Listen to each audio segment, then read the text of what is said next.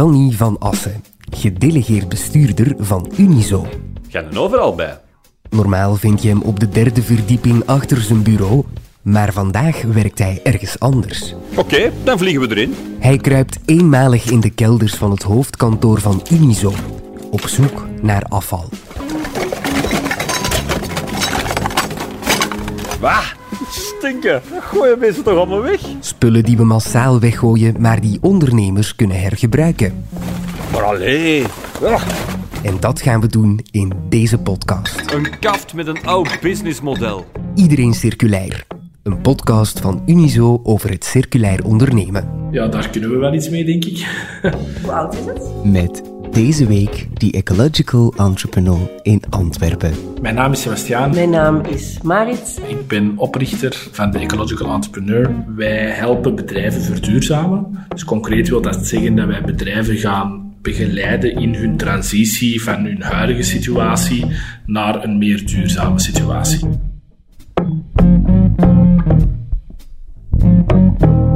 Wij zijn met de Ecological Entrepreneur heel vaak bezig met oude businessmodellen te gaan vernieuwen, omdat wij de ambitie hebben met de Ecological Entrepreneur om economie en ecologie samen te gaan brengen, wat heel vaak over businessmodellen gaat. Als je kijkt van, je hebt vandaag de dag misschien een businessmodel en je moet die transitie gaan maken naar duurzaamheid, zit heel vaak een discrepantie tussen hoe kan mijn huidige businessmodel mee met die transitie.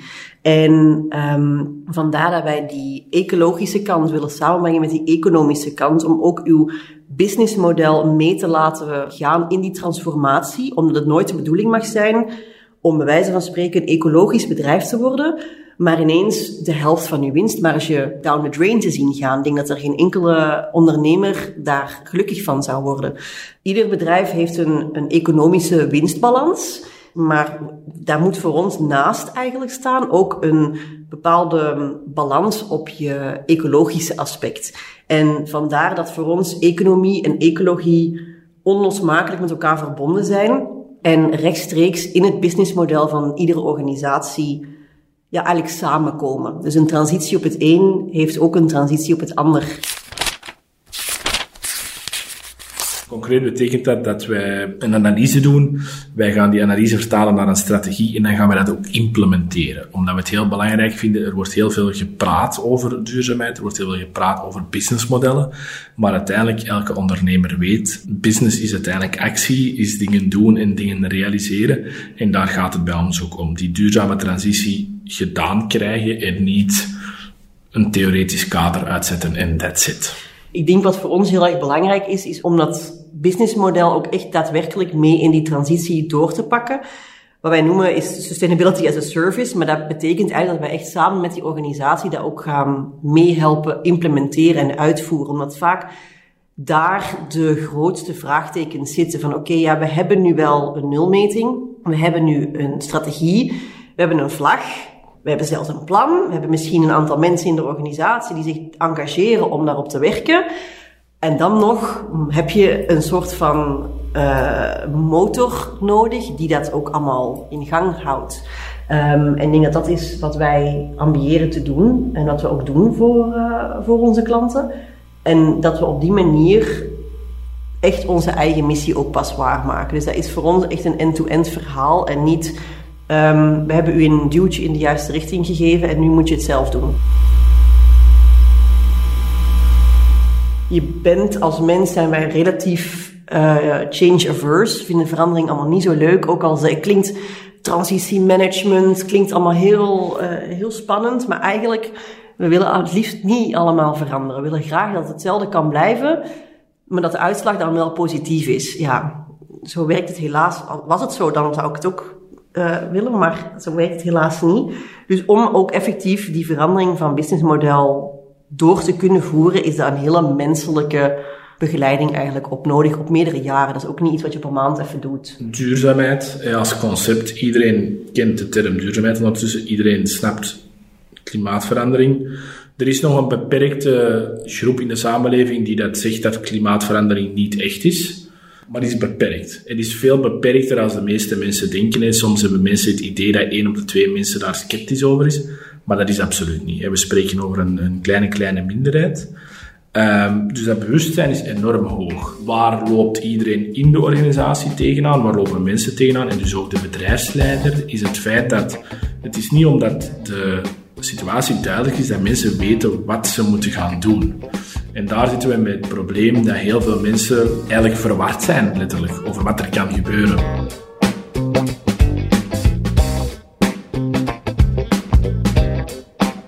De elektrische wagen is zo'n heel typisch voorbeeld om de simpele reden dat de vraag ook leeft: is elektrisch rijden nu beter dan fossiel rijden? En het antwoord is ja, elektrisch rijden is beter, maar inderdaad niet als je een dieselgenerator gaat gebruiken om je elektriciteit op te wekken. Wat dan als voorbeeld wordt gebruikt. Dus daar zie je al de, de verwarring ontstaan bij mensen en um, vaak ook, zeker als we dan kijken naar Vlaanderen, begint op een gegeven moment gaat het ook over vleesconsumptie, over visconsumptie, over dagdagelijks gebruik. En dan komt het vaak tegen de identiteit van mensen. En die identiteit is een enorm vraagstuk, omdat mensen die associëren vlees eten met een verworven recht van mijn ouders, mijn grootouders hebben zo gevochten om een beter leven te krijgen. En nu ga ik dan dat opgeven. Dat is heel onlogisch voor de meeste mensen. En wat gebeurt er? Dat wordt een, ervaren als een persoonlijke aanval. En die persoonlijke aanval wordt dan een blokkade en er verandert niks. Dat is een heel belangrijk element bij duurzaamheid en bij transitie van bedrijven. Het gaat over de mensen in bedrijven dat het moeten realiseren, dus die moeten mee zijn. Ja. Simpelweg.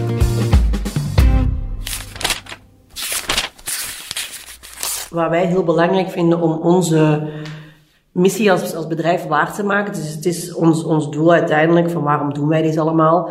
Wij willen dat ecologie op een dag self-evident wordt. Ik zeg het in het Engels, maar dat komt omdat soms Engels heeft mooiere terminologie dan het Nederlands, dus sorry daarvoor. Maar dat dat niet meer een, iets speciaals is, maar eigenlijk gewoon, ja, dat is verweven in gewoon een, een, een normale staat van zijn. Um, en dat maakt ook dat je daar ja, op die manier naar moet kijken. Van hoe ga je die verworven rechten of die identiteit van een, van een persoon um, niet per se moeten gaan schaden, maar hoe kun je die transitie dan toch gaan, gaan vormgeven? We hebben recent een onderzoek afgemaakt met meer dan 500 bedrijven over hun drijfveren en drempels om te verduurzamen. En uh, bij een van de vragen was, waarom zou je met duurzaamheid bezig zijn? En het hoogst scorende antwoord was belang voor de wereld. En dat is geen bedrijfsmotivator. Belang voor de wereld is geen typisch criterium waar je als bedrijf op wordt uh, afgerekend. Of wordt gewaardeerd. Of wordt gewaardeerd, überhaupt. dat, het is niet als je naar de bank gaat en zegt, mijn belang voor de wereld is 100, dat die je meer lening geven. Dat gaat niet Zakje gebeuren. Geld. Dus dat is een probleem in het systeem. Maar nog belangrijker, wat ik daarover wou zeggen, is duurzaamheid wordt vaak nog verward met het proberen redden van de planeet aarde. Maar dat is belachelijk. Want de planeet aarde is een baksteen, een steen die in de ruimte zweeft en klaar. Dus wat wij proberen duidelijk te maken is, duurzaamheid gaat over eigenlijk het beschermen van onze eigen leefomgeving en onze eigen natuur. Want wij zijn afhankelijk van onze natuur. Iedereen heeft van de zomer ervaren met de hitte. Wij worden geïmpacteerd door de natuur. Dus wij zijn structureel onze eigen omgeving waarin dat we leven aan het afbreken. En dat is gewoon niet logisch. En die logica moet daarin komen. En daarom kijken wij naar bedrijven als een verantwoordelijkheid om zowel sociaal, ecologisch als financieel correct te handelen. Om op die drie pilaren, dan heb je een leefomgeving die op alle elementen stabiel is, eigenlijk. Als je dan kijkt naar die, die metriek belang voor de wereld en als je dan kijkt naar de typische bedrijfs doelstellingen, winst, groei, marktaandeel, klanttevredenheid. Belang voor de wereld staat daar niet tussen. En dat is niet per se omdat mensen dat niet zouden willen, maar het systeem is er ook niet op gebouwd om dat te gaan enablen.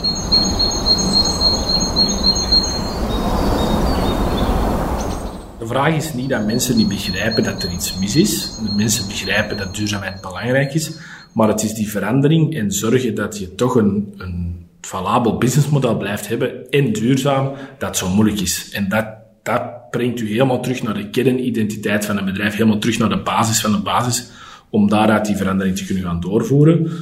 Maar dan ook wel stap voor stap. Ja. want de volgende uitdaging dat wij heel vaak horen dan, is dat bedrijven zeggen, oei, dat is zo groot, dat is zo gigantisch. Want als iemand tegen mij zou zeggen, zelf, verander uw businessmodel, ik zou ook denken, uh, nee. Want dat is gewoon een gigantisch risico. En uw organisatie kan dat niet zomaar aan.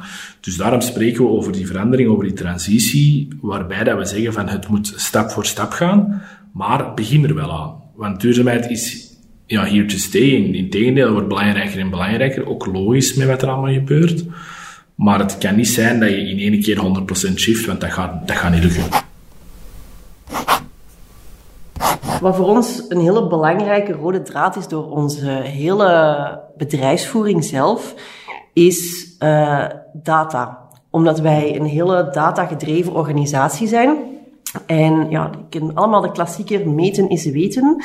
Dat sluit ook voor een heel groot deel aan bij Sebastiaan zijn vorige opmerking van geen losse acties, maar, maar zorg dat je acties op basis van een, een, meting en ook dat je verschillen kan meten, maar ook dat je de effecten kan gaan meten om daar dan weer op bij te sturen. Dus de, de mate van data uh, captatie en data-analyse en digitalisatie daar rond en dashboarding building is voor ons ook iets waar we um, heel hard op inzetten.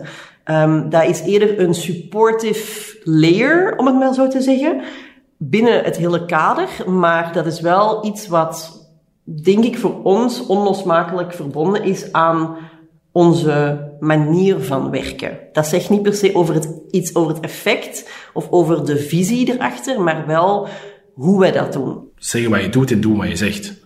En dat is super simpel. En in praktijk is dat vaak helemaal niet zo simpel als je dan met mensen praat. Um, maar dat is voor ons wel een heel belangrijke, omdat er wordt ook wel heel veel misbruik gemaakt van de term duurzaam. Uh, tegenwoordig als ik naar een evenement ga, is alles duurzaam.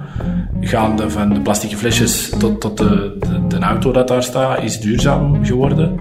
Wat voor heel veel weerstand ook zorgt. En uh, daarom, waar de taak, is dat een superbelangrijk principe.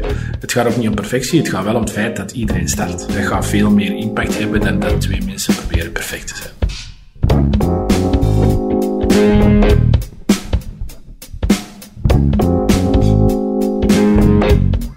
Iedereen Circulair is een podcast van Unizo voor de Dag van de Ondernemer. Deze aflevering werd gemaakt door Laurens Bervoets en Babette Plessers.